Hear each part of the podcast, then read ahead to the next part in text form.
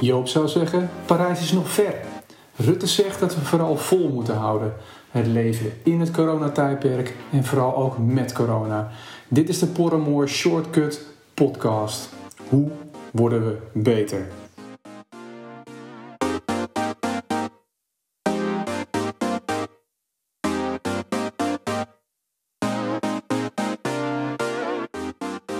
De Shortcut-series. Omdat we op zoek zijn naar fundamentele principes en de koninklijke route. Maar ook naar slimmigheidjes. Waarmee onder andere ik, herstel we, morgen ons voordeel kunnen doen. Zonder al te veel gedoe en al te veel geld, tijd en het liefst met meteen resultaat.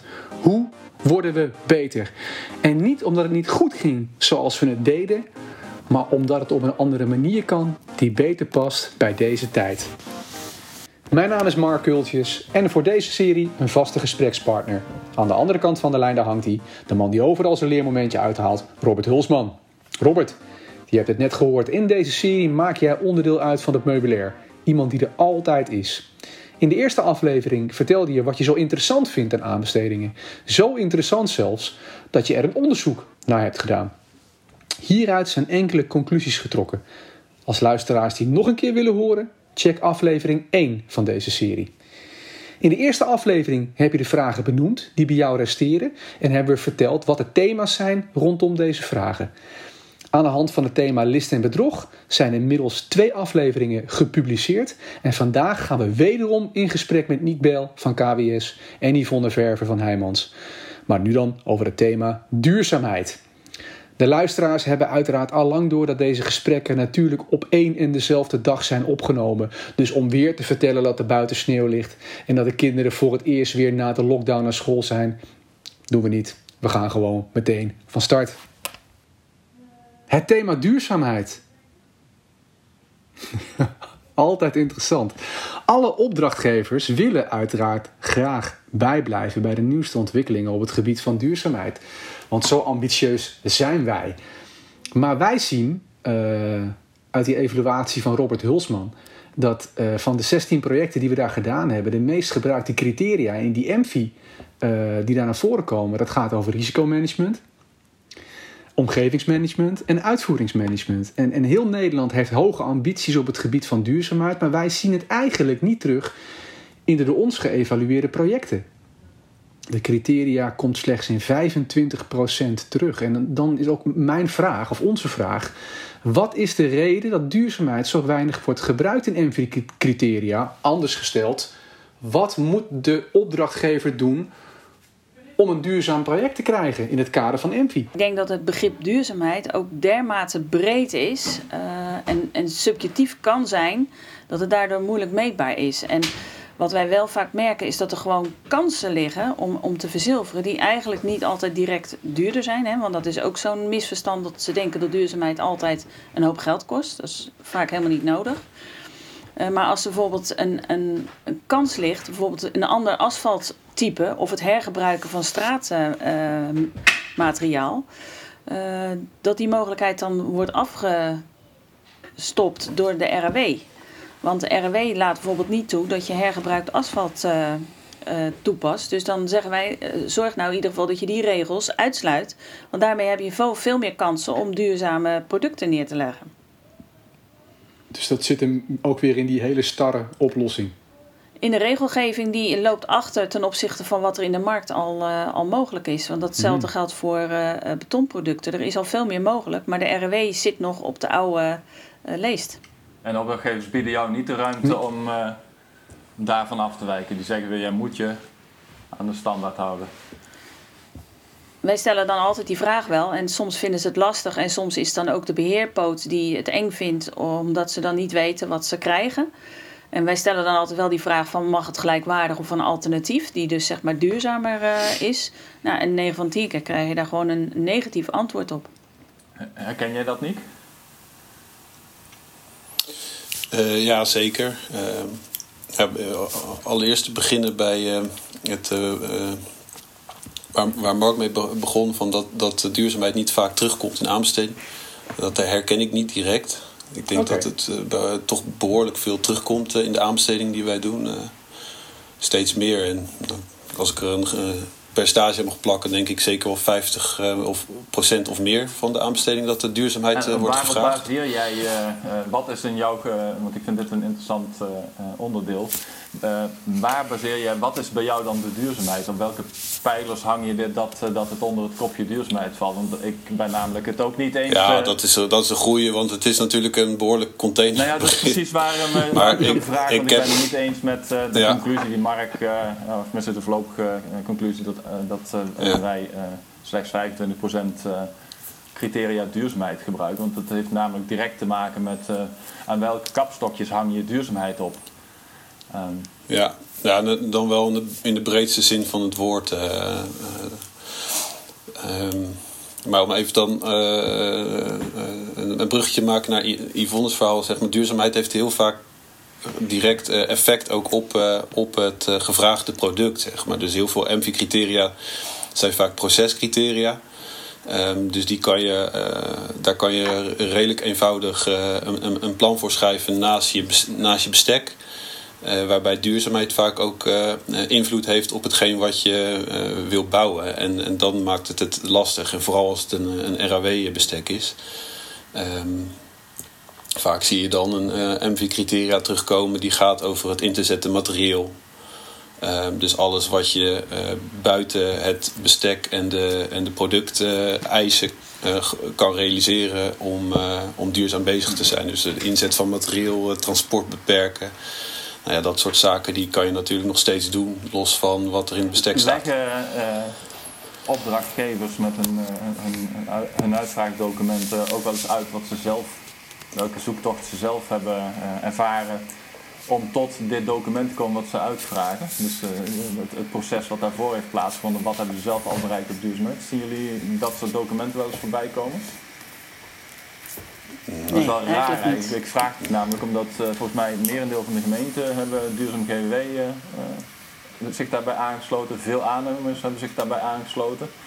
En dat proces gaat vanaf, hè, dat is elke projectfase van een project gaat dat langs. Vanaf initiatief tot en met nazorg. En een van de zaken die daar heel erg belangrijk is, is het repeterende verhaal van je begint ergens hoog over met dit is de bedoeling van mijn project. Dan ga je kijken op dat niveau wat je, uh, waar je ambities liggen en, en zo bouw je dat, het hele project door. Het voordeel van dat systeem, of tenminste de bedoeling volgens mij van het systeem, is dat je daarmee informatie overdraagt naar de volgende fase. Een, fa een faseoverdracht die je met een aanbesteding hebt, dus, dat al het stukken die ervoor zijn geweest, keuzes, afwegingen die we plaats hebben gevonden op het gebied van duurzaamheid, die wil je overdragen naar de, de volgende, de expert van de uitvoeringsfase. Want die kan misschien op dingen die je zelf nog niet hebt kunnen realiseren, wellicht wel iets toevoegen. En dat is volgens mij waar de MV toevoegt. Maar dan is het wel de vorm waarin je het uitvraagt. Want uh, kijk, als je een MV uitvraagt en je legt er een RW-bestek onder, is het al heel anders als dat je bijvoorbeeld de samenwerking uitvraagt. Hè? Want we zien nu de laatste tijd steeds meer dat de samenwerking, dus à bouwteam, wordt uitgevraagd. En daar kan wel degelijk de, de doelstelling zijn om zo duurzaam, zo duurzaam mogelijk het project uit te voeren. Dus wat op dat moment mogelijk is. En als je uh, zeg maar dat niet combineert met, met een RW-bestek, is het, dan kan je de laatste ontwikkelingen volgen. Alleen wat je dan wel vaak terug hoort, is dat uh, je dan beheer moet betrekken, omdat die dat eigenlijk wel heel erg spannend vinden. Ja, maar dat, dat, dat is dus de link die ik leg naar het hele uh, verhaal. Want volgens mij kun je het naar elk project toepassen. Of het, of nou een RW is, een bouwteam of een best value project, dat maakt eigenlijk niet uit. Want het gaat om informatieoverdracht, weten waar je vandaan komt, waar keuzes op gemaakt zijn en waar je expertise kunt toevoegen op, uh, op duurzaamheidsvlakken. Dat, en dat is altijd. Uh, ja, Robert, maar als je Robert, als je een RW uh, van toepassing verklaart, er zijn dus een aantal mogelijkheden gewoon uh, al uitgesloten volgens die RW. Je kunt dus op je, je MV-vraag, als jij uh, dat proces doorlopen hebt, zie je ook nog waar jouw tekortkomingen zitten. en die zou je dus in de MV kunnen vragen. Je kunt de MV dus specifieker op, op de, de vlakken die je zelf niet hebt kunnen tackelen of niet voldoende kunt, daar zou je de MV ook voor kunnen gebruiken. En ik ben het met je eens, het is uh, nog mooier als je het uh, nog wat ruimer op kunt zetten, zodat je die nog meer expertise kunt toevoegen van, uh, vanuit de markt. Maar het is, ja, mijn beeld is dat, dat wij als opdrachtgever zelf niet eens in de gaten hebben wat, wat voor kansen we laten liggen. Want het begint al met de eerste vraag, moet je dit project wel doen op deze wijze? Heb ik die extra weg wel nodig? Of dat, kan het ook niet anders? Hè? Die gewoon, dat is de eerste duurzame vraag die je moet doen. Dat, je ziet die worsteling bij opdrachtgevers wel best wel, denk ik. Want je, ik, ik, kom veel aanbestedingen tegen dat ze duurzaamheid uitvragen naast een RAW-bestek. En vaak laten ze dan toch de mogelijkheid toe om aan aannemers om, om kansen in te dienen en af te wijken van het bestek. Ehm, nou, daar is de RAW natuurlijk niet helemaal geschikt voor. Want hoe ga je dan die kansen, die moet je die dan wel in de prijs of niet? En dus bij elke aanbesteding probeert een opdrachtgever dat weer anders in te vullen, zeg maar.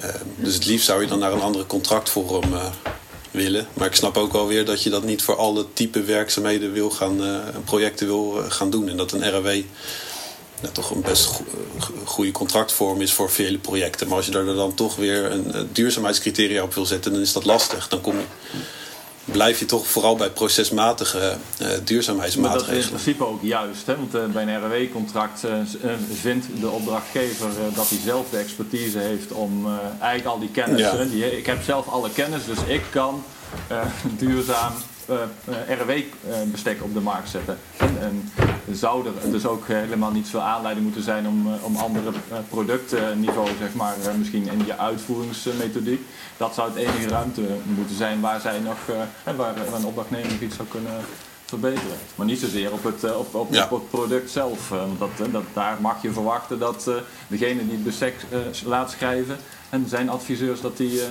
voldoende kennis hebben. En, maar dit, maar dit maakt het, dit, dit wat nu op tafel komt, maakt het uh, volgens mij ook al een stuk makkelijker. Ja, als je gewoon inderdaad weet van jongens, wij hebben die kennis in huis, we gaan voor een RAW-bestek, ja, dan is het gewoon klaar. Maar is die kennis dan ook in huis? Want dat is dan even de vraag. Ja, weet je, dat, over... dat, dat, dat, pretendeert iedere opdrachtgever dat nee, die kennis in huis is. Ja, ja. Maar de, R, de RAW uh, schrijft dus uh, nog steeds voor dat je geen hergebruikt asfalt uh, mag toepassen. Op het moment dat je dus toch een RW op de markt zet en je kijkt naar het kopje duurzaamheid, uh, dan laat je daar dus wel uh, kansen liggen. Ja, er, ja, zit, wel, er, er, zit wel uh, in de RAW staan ze wel hergebruik toe. Alleen die percentages liggen nog behoorlijk laag ten opzichte van waar de markt inmiddels is. Zeg maar. En niet in de toplaag, terwijl dat wel kan. Ja, 30% volgens mij de toplaag. Ja. Ik denk dat je sowieso uh, kans laat liggen als je alleen maar als je ervan uitgaat dat je zelf alle kennis in huis hebt. Volgens mij is dat het grootste manco. Hebben wij nog iets, iets, iets toe te voegen op dit onderwerp? Ja, ik, ik, we, we, kijk, duurzaamheid is natuurlijk heel breed. Hè? Want ik hoorde net wel zeggen dat er geanalyseerd was op omgevingsmanagement, risico. en de andere was ik even kwijt. Maar als je kijkt naar de omgeving, daar is natuurlijk ook heel veel duurzaamheidsdoelstellingen uh, te behalen. Hè? Het hoeft natuurlijk niet, als je bijvoorbeeld een stuk groen aan moet leggen, dan is het maar net de vraag van hoe leg je dat aan? Dus daar kan je ook heel veel duurzaamheidsdoelstellingen behalen als het gaat bijvoorbeeld over biodiversiteit. Ja. Dus door de keuze van bijvoorbeeld bepaalde bomen of beplanting of de manier van beheren, kan je ook ontzettend veel doelstellingen behalen. Dus ik hoor jou ook toch wel weer de verwijzing maken naar die twaalf punten van duurzaam GWW. Dus dat hele brede kader. En, en, en, en dan is het dus maar de vraag of dat, ik weet mijn god niet in hoeverre hoe wij geturfd hebben met ons onderzoek. In ons onderzoekje is op de term duurzaamheid geturfd. En daar, dat is ook de reden waarom ik het dus niet eens ben uh, met uh, jouw stelling dat het maar 25% ja, is. Het is net langs welke lat je legt.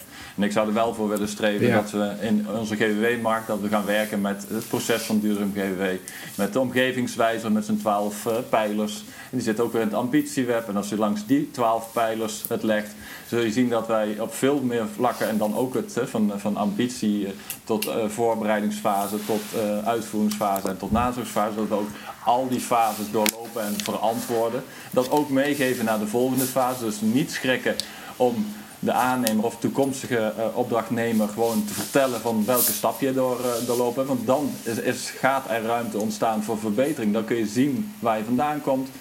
Dan kan die anders een expertise toevoegen uh, als die er is. En, als jij, en als die er niet is, is het ook goed, maar dan kan die ervan leren van, van de stappen die jij doorloopt. En worden we in Nederland beter en duurzamer. In plaats van dat we nu steeds incidenteel, ja, we zijn duurzaam als we meer zonnepanelen op een uh, cage zetten. Ik denk van, het is sowieso ja, jammer. precies. En, En de, en de, de, de bouwteamvorm is daar wel echt een, een mooie vorm uh, in. Omdat je zeg maar als opdrachtgever nog niet het ontwerp helemaal hebt vastgelegd. En dus samen met een aannemer dat laatste traject ook kan doorlopen om, om uh, tot die duurzame maatregelen te komen in je ontwerp. Dus dan kan je ook echt die aannemerskennis benutten over, over de producten die die uh, uh, maakt of toepast. om ja, toch nog duurzamere producten in je, in je project te realiseren. Maar dat betekent dus wel dat je ook hier weer met een doelstelling moet werken en het dus niet moet. Nee, klopt. En je vraagt je moet wat vrijheid. Dat, klopt. En dan krijg je ook vooral een, uh, een aanbieding van een aannemer die gaat, die gaat uh, neerzetten hoe die dat dan samen met de opdrachtgever gaat realiseren om tot duurzame oplossingen te komen. Dus dan worden de oplossingen nog niet eens zozeer aangedragen, maar dan schrijf je meer uh, het proces op en met wie je dat gaat doen en welke stappen je daarin wil doorlopen. Een soort samenlevingscontract. Ja. Volgens mij een mooie term om mee af te sluiten.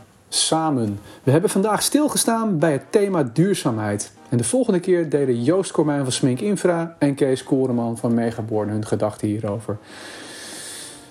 Yvonne, Niek, bedankt voor jullie bijdrage. En nu afwachten wat het effect gaat zijn. Robert, voel jij al iets beter? Looking good is feeling good. We gaan afronden. Mocht je nog vragen hebben, Lijkt het je leuk om een keertje mee te praten? Check de show notes. We zijn er doorheen. Weer een aflevering van de Shortcuts. We worden beter.